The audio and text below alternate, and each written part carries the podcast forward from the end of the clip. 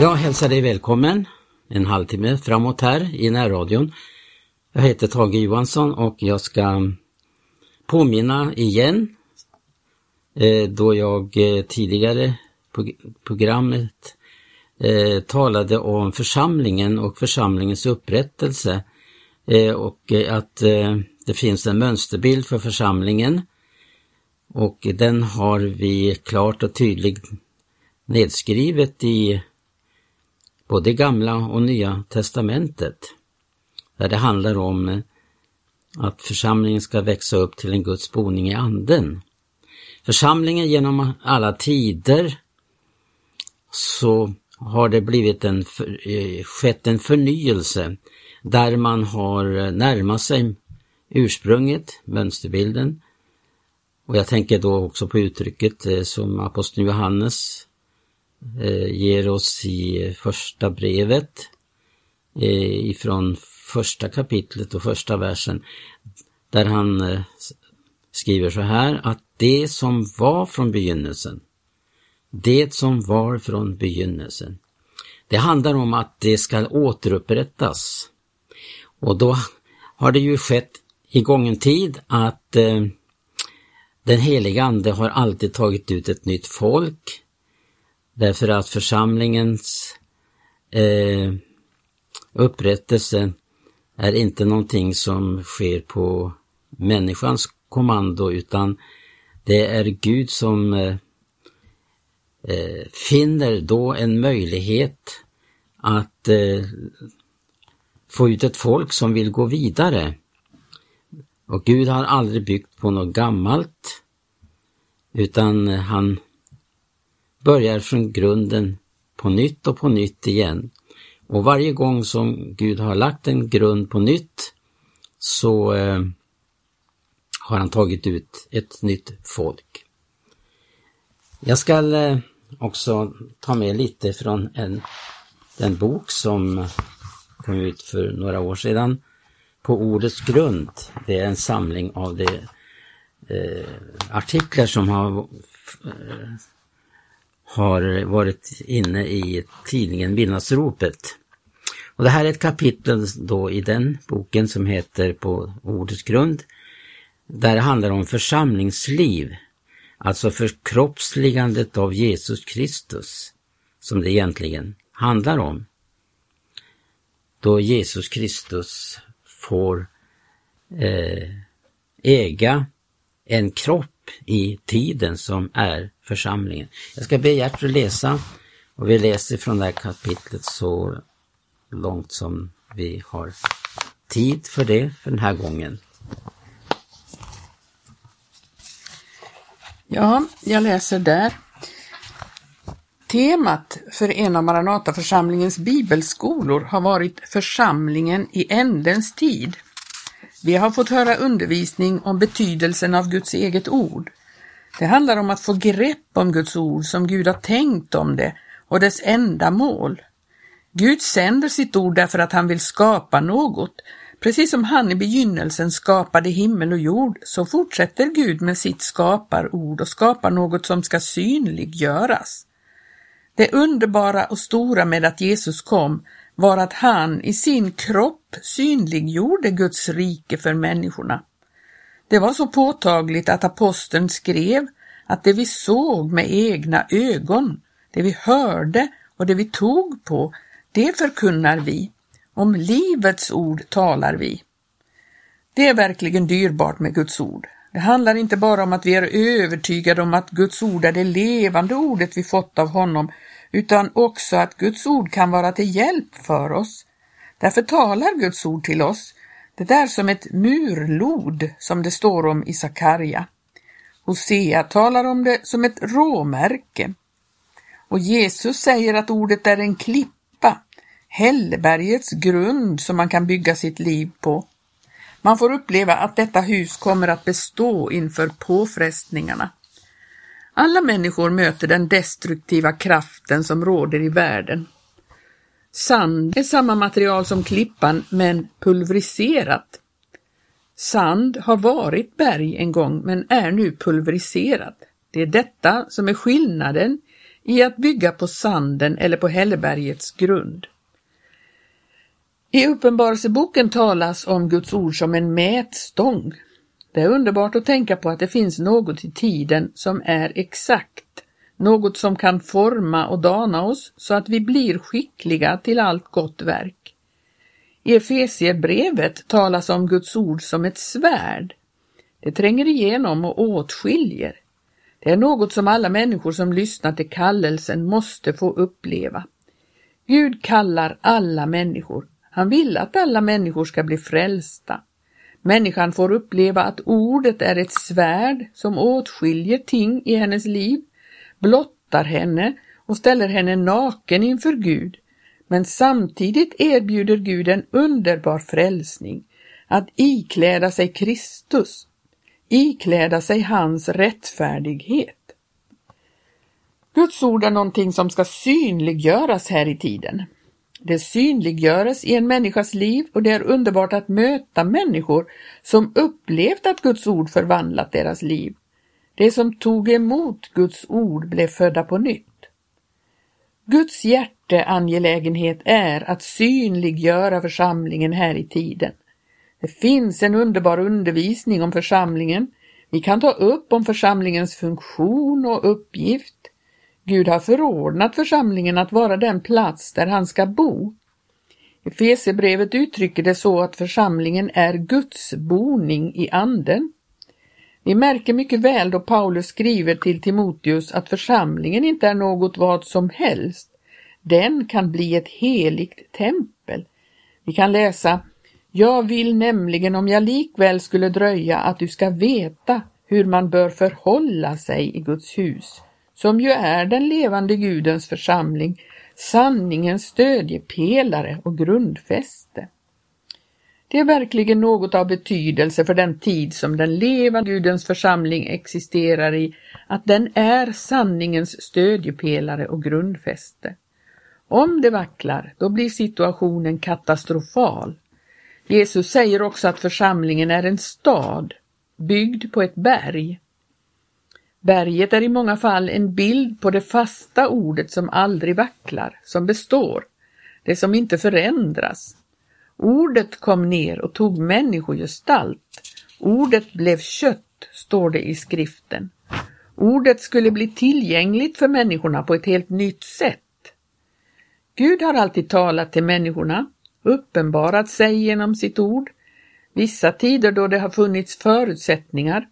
På Samuels tid var ordet sällsynt. Profetsyner orkade inte fram. Men Gud fick en ny möjlighet genom Samuel. Det är så dyrbart att få ta del av Guds ords riktlinjer, vad som är sant och riktigt. Det människor på många sätt förvanskar. Paulus understryker att han trolovat församlingen med Kristus och ingen annan för att kunna ställa fram en ren jungfru. Vi läser om hur församlingen uppstod från dess begynnelse. Det är naturligtvis något som ska uppenbaras för våra hjärtan hur Gud handlar, hur han går tillväga med var och en, så att vi kommer in i det gudomliga sammanhang som församlingen är. Det handlar om en personlig relation med Jesus Kristus. Det måste finnas en förbindelse för den enskilda lemmen med huvudet så att lemmen är insatt i det gudomliga sammanhanget. Det är underbart att få se vilka bilder Bibeln tar fram av församlingen. Å ena sidan är den en kropp där Kristus får vara huvudet.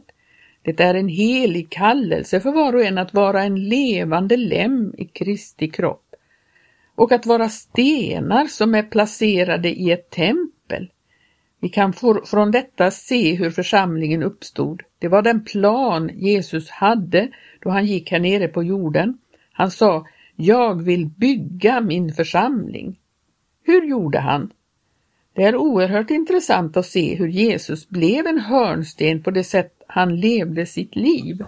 Och på det sätt vi ska leva blir vi en sten byggd på Jesus som är både hörnsten och grunden. Vi blir en sten sammanfogad med grunden. Bibeln säger att det fanns villkor för hur detta kunde ske då Jesus gick runt och kallade människorna. Han kom till människorna och gav dem en personlig kallelse att följa honom och vara hans lärjungar. Han såg fram emot att det skulle komma dit hän att dessa som kom till övre salen skulle utgöra detta tempel. Det var som en invigning. Liksom då Salomo invigde templet så kom Guds härlighet att uppenbara sig därför att detta tempel var iordningställt efter en gudomlig plan. Det var inga mänskliga tankar inblandade utan det var helt i enlighet med Guds plan. Han hade gjort ritningen och överlämnat den för att templet skulle byggas. Så var det också med apostlarna. Ritningen var överlämnad till apostlarna för att det skulle göra som Jesus hade befallt och därför säger Paulus att han upplever sig som en byggmästare. Han bygger på en grund som redan är lagd. Jesus är grunden, men det ska fortsättningsvis uppenbaras i enskilda människors liv. Människor som svarade ja på kallelsen. Det är en oerhörd kallelse detta, att bli en levande sten. Det står i Petrus brev, kom till honom. Det är en kallelse. Första steget till att något ska ske är att det finns några som kommer och församlas till honom. Man kan församlas på olika sätt. Det finns en djup sanning i detta att alla var församlade med varandra. De hade accepterat kallelsen därigenom att de hade befriats från ett gammalt sammanhang för att komma in i ett nytt sammanhang. De skulle inte längre leva sitt eget liv. Villkoret för att vara en lem i Kristi kropp är att det finns möjlighet för Gud att insätta dig och mig. Då det gäller detta tempel, Kristi kropp, så är det Gud som insätter. Det är inte vi som kommer när vi själva tycker och vill placera oss. Det är ett Gudsverk. Församlingen är ett Gudsverk, en andlig skapelse av Gud. Det är inte alla som hörsammar denna kallelse, för man vill inte överlämna sig helt och fullt. Om man går igenom hela den bibliska historien blir man ständigt påmind om att det går en skiljelinje, en gräns mellan det som ger sig helt och det som aldrig kommer in i överlåtelsen med sina liv. Det finns två hebreiska ord för församling i fjärde Mosebok. Det ena ordet har att göra med att se i yttre hänseende, men det andra ordet för församling talar om dem som har en annan relation, människor som Gud har kallat. I skaran som drog ut från Egypten fanns det människor som Gud kallade, eller rättare sagt kunde kalla. Vi vet vilka oerhörda konsekvenser detta har då människor inte har denna relation med Gud. Vid ett tillfälle handlade det om människor som gjorde uppror mot Mose. Detta uppror sker därför att man inte är eniga om vad som är heligt. Nu må det vara nog, sa man, hela Israel är ju heligt. Men så var ju inte fallet. När man läser bakgrunden ser vi förklaringen till vad som hände med dessa som gjorde uppror, det som Gud måste avskilja från det övriga och vi ser hur viktigt det är att ta vara på Guds ord. Så här står det. Och Herren talade till Mose och sade, tala till Israels barn och säg till dem att de och deras efterkommande skulle göra sig tofsar i hörnen på sina kläder och sätta ett mörkblått snöre på var hörntofs och detta skulle ni hava till tofsprydnad för att ni när ni ser därpå må tänka på alla Herrens bud och göra efter dem och icke sväva omkring efter era e-, hjärtans och ögons lustar som ni nu löper efter i trolös avfällighet. Ty jag vill att ni skulle tänka på och göra efter alla mina bud och vara helgade åt er Gud, jag är Herren er Gud som har fört er ut ur Egyptens land för att jag ska vara eder Gud. Jag är Herren eder Gud. Det ena hebreiska ordet för församling, eda, betyder i yttre synligt motto. Men det finns en grupp som är församling i inre motto, där det handlar om den personliga relation som människor ska ha. Det som inte dessa hade som gjorde uppror. Det kom på kant med Guds förordnande, det som skulle gälla och vad Mose förde fram till folket. Det ville inte underordna sig och såg detta som något orättvist. Gud talade väl inte bara till Mose? Men frågan var, vad har Gud sagt till Mose? Det tog alltså inte till sig ordet. Det kom i konflikt med det Gud uppenbarat genom Mose och det här utvecklades till ett uppror. Det skedde inte bara vid detta tillfälle utan det sker varje gång människan kommer i uppror mot vad Gud har sagt. Därför är det så viktigt att ta reda på vad Bibeln lär om församlingen. Då Gud ska utföra verket är det så viktigt att vi blir en del av den levande Gudens församling, att vi gått igenom en överlåtelseakt så att Gud får insätta oss där vi ska vara. Gud insätter varje lem, varje sten. Det är hans byggnadsverk som det står i Hebreerbrevet. Men Kristus var trogen så som en son, en son satt över hans hus och hans hus är och vi, så framt vi intill änden hålla fast vår frimodighet och vår berömmelse i hoppet. Jesus talade till stora skaror, men det var få som svarade ja på Guds kallelse att lägga ner sitt liv för honom, för det syfte som Gud har med oss var och en, att vara med i den levande Gudens församling. Vi måste ge Gud fria händer och då blir vi det som är kallade, den församling som kan benämnas med det andra hebreiska ahat. Det avser Israels andliga karaktär. De har varit med om något i förhållande till Gud, där det är frågan om att de avsagt sig sitt eget liv. Jesus säger att för att kunna vara hans lärjunge måste man hata sitt eget liv här i världen. Men vårt liv kan bli något underbart, en byggnadssten i templet. Detta manifesterade sig på pingstdagen. Man kan säga att det skedde en invigning av Guds levande tempel som är församlingen. Där blev de uppfyllda. Först blir man avskild, så blir man invigd och sen blir man uppfylld. Det är Guds ordning. Eller om man tar det från början, först är det en gudomlig kallelse. När Jesus kommer till dessa människor och kallar dem kommer han med ett erbjudande från himmelens Gud. Följ mig, jag ska göra dig till en människofiskare. Gud vill göra något med ditt liv. Det gäller att förstå att församlingen är något gudomligt. En skara som Gud tagit ut och insatt, fungerande lemmar i Kristi kropp, underordnade huvudet. Det är en underbar bild. Kroppen med lemmarna lyder huvudet. Lemmarna är underställda huvudet. Detta är baserat på att man älskar Gud. Du behöver aldrig känna dig tvingad till detta. Det är ett erbjudande från Gud. Han kallar i kärlek. Frågan är om du vill ge ditt liv, ditt allt för detta. Därför är det så fantastiskt underbart med församlingen. Gud upprättar sin församling. Han har gjort det under tider då han får, då det finns möjligheter. Gud tvingar aldrig fram detta. Det är alltid ett erbjudande. Vi lever i den sista tiden. Vi upplever att Gud i dessa dagar tar ut människor. Han kallar den enskilde. Det är inte en hop av kreti och pleti, utan en skara som invigt sig och blivit ett heligt folk. Det är avskilda. Helig betyder avskild. Det blir så gripande när man tänker på det frivilliga offret då det överlämnas åt prästen, hur han tar bort krävan ur fågeln, det hon samlat åt sig själv och han fläker upp vingarna. Tänk när vi kommer dit hän att vingarna är uppfläckta, då kan vi inte längre göra några egna utflykter. När man ger offret så tillåter man Gud utföra sitt verk. Ska vi själva lägga oss på offeraltaret så går vi lika fort därifrån. Men får överste prästen först utföra sitt verk så lägger han offret på altaret och det ligger kvar där. Så upplevde Jakob när tiden var inne. Han hade löpt linan ut, han gav upp och Gud fick ta hand om honom. Då blev han en Israel istället för Jakob. Det är så underbart att vi får överlämna oss i en mästares händer med våra liv så att vi inte far hit och dit. Man ser ut över världen, det finns en uppsjö av verksamheter, verksamhetskristna som lever fjärran ifrån ett överlåtet liv. Jag vill till sist läsa om hur människans hjärta kan ställa sig till kallelsen.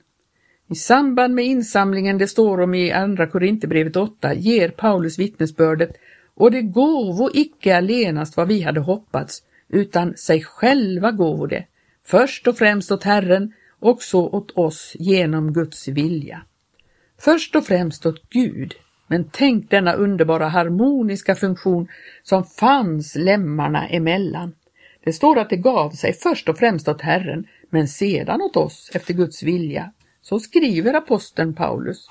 Många människor lever under en verksamhetsträldom och de som leder församlingen har inte förstått detta utan de härskar istället för att vara herdar för jorden.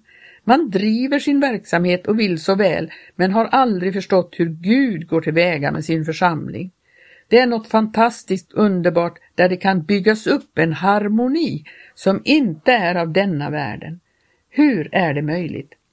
Paulus skriver om hur vi kan komma fram till enhet i tro. Vi läser Och han gav oss somliga till apostlar, somliga till profeter, somliga till evangelister, somliga till herdar och lärare. Ty han ville göra de heliga skickliga till att utföra sitt tjänarvärv, att uppbygga Kristi kropp, till dess att vi allesammans komma fram till enheten i tron, i kunskapen om Guds son till manlig mognad och så bliva fullvuxna intill Kristi fullhet.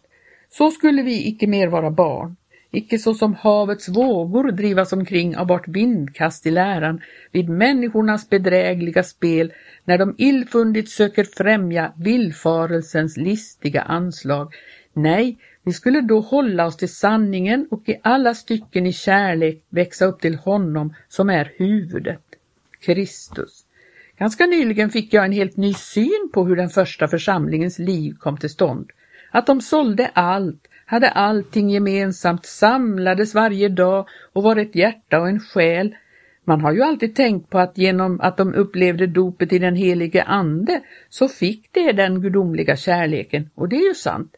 Men så stod det klart för mig att resultatet har en annan grund. Det är detta att när de upplevde Andens dop såg de klart vad de redan kände till. För det som hände på pingstdagen och därefter var resultatet av en kunskap. Och den kunskapen är vad Bibeln i förebilderna lär om vad församlingen är för något. För om den heliga Ande ska kunna utföra sitt verk så måste vi ta fasta på Guds ord så att Anden har något att fylla upp med. Det är inte frågan om att fylla upp våra känslor utan att vi tar fasta på Guds löftesord det här var deras aha-upplevelse på pingstdagen. Ja, just så här är det med tanke på alla förebilder. För dessa människor kände verkligen till Guds ord. Tänk på Stefanus predikan, han återgav ju hela Israels historia och Petrus likaså och där har du förebilden av församlingen. Då blev det uppenbart hur anden vill utföra sitt verk och anden stadfäster ordet. Därför står det också att när de gick ut och predikade så stadfästes ordet med tecken och under. Ordet är den grund som församlingen bygger på, det ord som uppenbaras genom Jesus Kristus, han som var ordet. Det här var en rik upplevelse, jag hade inte tänkt så mycket på det. Man tänker ju på andens dop i samband med pingsten och visst är det så att de blev så uppfyllda av kärlek så att de kunde dela med sig. Men det var just detta veta vad församlingen är som den helige Ande använde och Gud stadfäste. Gud stadfäste det han förkunnat i förebilder i Gamla testamentet. Det gick i uppfyllelse på pingstdagen och därefter. Den sista tiden ställs vi allt mer inför en sån kallelse. Är det verkligen så att vi har gett Gud allt? Och har vi gett Gud allt så kan han också använda oss som levande stenar. Eller då placerar han dig, om du inte redan upplevt det, han insätter dig. Det som var uppenbarat redan från början i lustgården, där det står att Gud satte mannen, ett avgörande uttryck, så sätter han också dig. Han insätter dig som en lem. Han har i församlingen satt Först och främst några som apostlar, herdar, lärare och så vidare, för han vill göra det heliga skickliga att utföra sitt tjänarvärv. Jag har stavat mycket på då Paulus säger att han var byggmästare. Hur blev Jesus en hörnsten och en grund för församlingen? Det var genom det liv han levde. Då stenen blev förkastad av alla, framförallt av byggningsmännen, judarna själva, för att han inte passade in, där har du kännetecknet på den levande Gudens församling, att den alltid befinner sig utanför lägret med Jesus. Ett läger uppstår då vi skapar något som inte är intakt med den helige Andes verk. Om det inte är i harmoni med den helige Ande så skapar vi ett läger. Vi är beroende av Guds ande. Det är anden som verkar fram detta och han kallar oss ut till honom utanför lägret för att bära hans smälek. Så Jesus med det sätt han levde på blev en hörnsten. Apostlarna kunde sedan lägga grunden på olika platser av de människor som sa ja till Jesu liv. Jesu liv mångfaldigas i andra människors liv. Att leva som Jesus, då blir man något som kan byggas på grunden. Jesu liv uppenbaras på nytt och på nytt igen av människor som svarar ja. Det står att vi är pliktiga att vandra som han vandrade. Han lämnade en förebild för att vi skulle vandra i hans fotspår. Det jag talat om här kan tyckas krångligt och svårt, men om du överlämnar dig helt så upplever du att detta är enkelt och självklart. Jesus säger, den som vill göra min vilja ska förstå. Det här pluggar man inte in på ett teologiskt institut, utan det handlar om en livserfarenhet med Jesus. Ja, så långt det här kapitlet eh, ur boken På ordets grund. Det här kapitlet som Gertrud nu läste handlade om eh, eh, församlingen som eh, är kallad till att förkroppsliga Jesus Kristus här i tiden. Vi tackar för att du har varit med och lyssnat och vi önskar dig Guds välsignelse och på återhörande.